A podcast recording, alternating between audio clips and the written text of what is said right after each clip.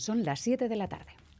Y yo no voy a terminar mal con el Partido Nacionalista Vasco. Ni el Partido Nacionalista Vasco creo que va a terminar mal conmigo, en absoluto. Yo soy un hombre del Partido Nacionalista Vasco que atiende sus decisiones y las respeta y las cumple.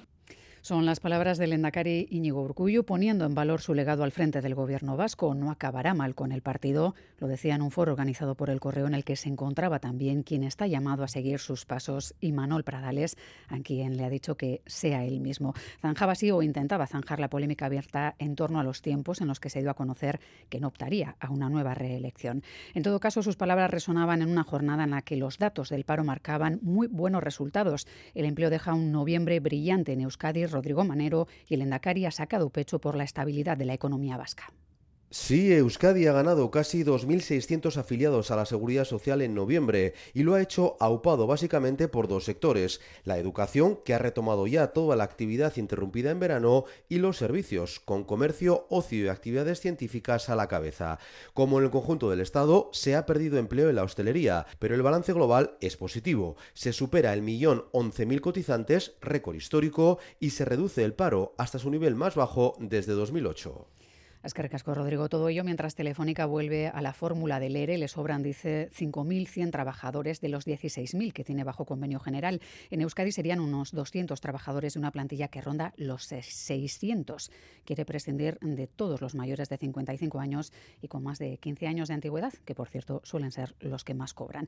Mientras en Bruselas, atentos a la rueda de prensa conjunta que hoy ha mantenido el ministro de Justicia Félix Bolaños y el comisario de Justicia Didier Reinders, un encuentro en el que estaba previsto que se abordaran las dudas que el Ejecutivo Comunitario pudiera tener respecto a la ley de amnistía, aunque se han esforzado por mostrar sintonía. Corresponsal comunitaria Mayo Portugal, Racha León. A León, sí, el ministro y el comisario tratan de contextualizar dentro de la normalidad el diálogo que están manteniendo respecto al borrador sobre la ley de amnistía. Discursos coordinados y alineados en la rueda de prensa tras el Consejo de Justicia, sin contradecirse entre ellos. Ambos hablan de diálogo normal, con preguntas y respuestas, aunque el comisario Reinders evita decir si tiene o no cero preocupaciones al respecto. En lo que sí insiste el comisario es en lo prioritario de renovar el Consejo General del Poder Judicial. Y no podemos olvidar la tragedia que se vive en Lezo y Donostia, donde dos jóvenes fallecían este fin de semana tras ser embestido su vehículo por otro coche que invadía su carril. David Beramendi, una tercera joven que viajaba con ellos, está en situación crítica. Sí, continúa en estado crítico, ingresada en la UCI del Hospital Donostia. La joven donostiarra herida en ese accidente de Lezo. La joven viajaba en el coche junto a los dos fallecidos, Ander Lezotarra de 22 años e Iñaki Donostierra de 20 y un cuarto amigo que también está hospitalizado. Recordemos que el conductor del otro coche, un vehículo con matrícula francesa, está detenido, custodiado por la Ertzaintza en el hospital. Tiene 21 años y cuando sea dado de alta va a pasar a disposición judicial. Se le acusa de un delito contra la seguridad vial y otro de homicidio por imprudencia grave. En carreteras, eh, además, se pide precaución en el puente de Ronte y en Erandio, sentido cruces. El carril derecho está cortado por la avería de un camión y otro camión averiado también en la Nacional 1 en Olaverría, sentido Gasteiz. El carril derecho también está cortado. Y ponemos la mirada también en la actualidad deportiva. Edu García, Racha León. ¿Qué tal, Racha León? Pendientes eh, de lo que haga el Eibar a partir de las ocho y media en el cierre de la jornada 18 de Liga en segunda división ante el Villarreal B. Una oportunidad que tiene el equipo armero de, en caso de victoria, colocarse segundo en la tabla en puesto de ascenso directo. La cita a las ocho y media. Y también pendientes de tres lesionados uno que parece no es muy grave, o no tiene una lesión muy grave, Ander Barnechea, 15 de tobillo, se lo produjo en el derby del pasado fin de semana ante Osasuna.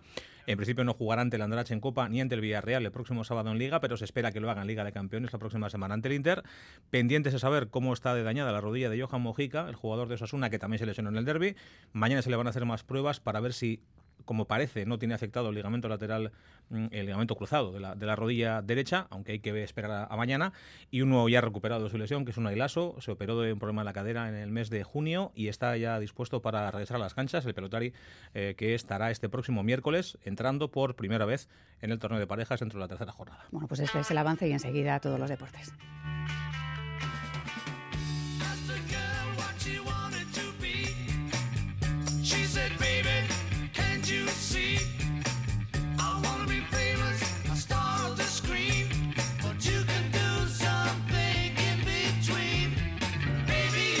En breve los 17 años son los que permiten acceder al coche y al carnet, al estilo de lo que tantas veces hemos visto en series y películas norteamericanas. Bruselas abre la puerta y hoy este tema es la contraportada del día con Gary Suárez al volante. Gary, Gabón. A Racha León Miriam es algo que la Unión Europea quiere poner encima de la mesa, que se pueda empezar a conducir coches desde los 17 años, siempre que se haga acompañado de alguien mayor de 24 que tenga el carnet desde hace al menos 5 años, una medida que han pactado los ministros de Transportes de la Unión Europea. De momento, eso sí, es algo preliminar, nada concreto, pero hemos salido a la calle a preguntar y hay bastante aceptación. Bueno, si va con tutor legal me parecería bastante bien. La responsabilidad llegaría antes, entonces igual hay una transformación en la gente joven y, y, va mejor. Que siempre que vayan acompañados de una persona con experiencia, pues perfecto. No creo que haya mucha diferencia. Bueno, no lo vería mal. Si se hiciese todo como debiese, sí. No me importaría, vaya. Bueno, esto en la calle, pero ¿qué creen los expertos? Pues según Patricio Arriandiaga, gerente de la autoescuela Go, es algo que se puede hacer perfectamente. De hecho,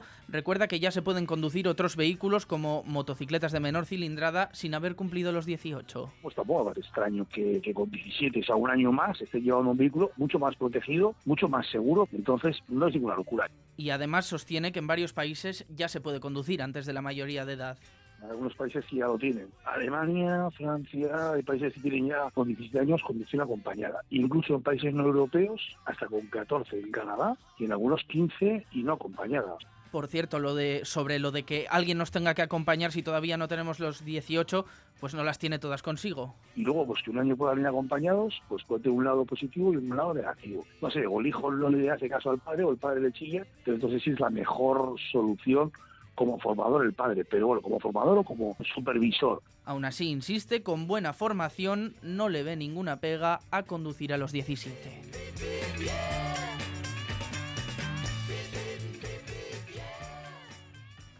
Las 7 y 6 minutos, un saludo de Miriam Duque y de Miguel Ortiz y Alberto Zubeldia en la dirección técnica y de Cristina Vázquez en la coordinación.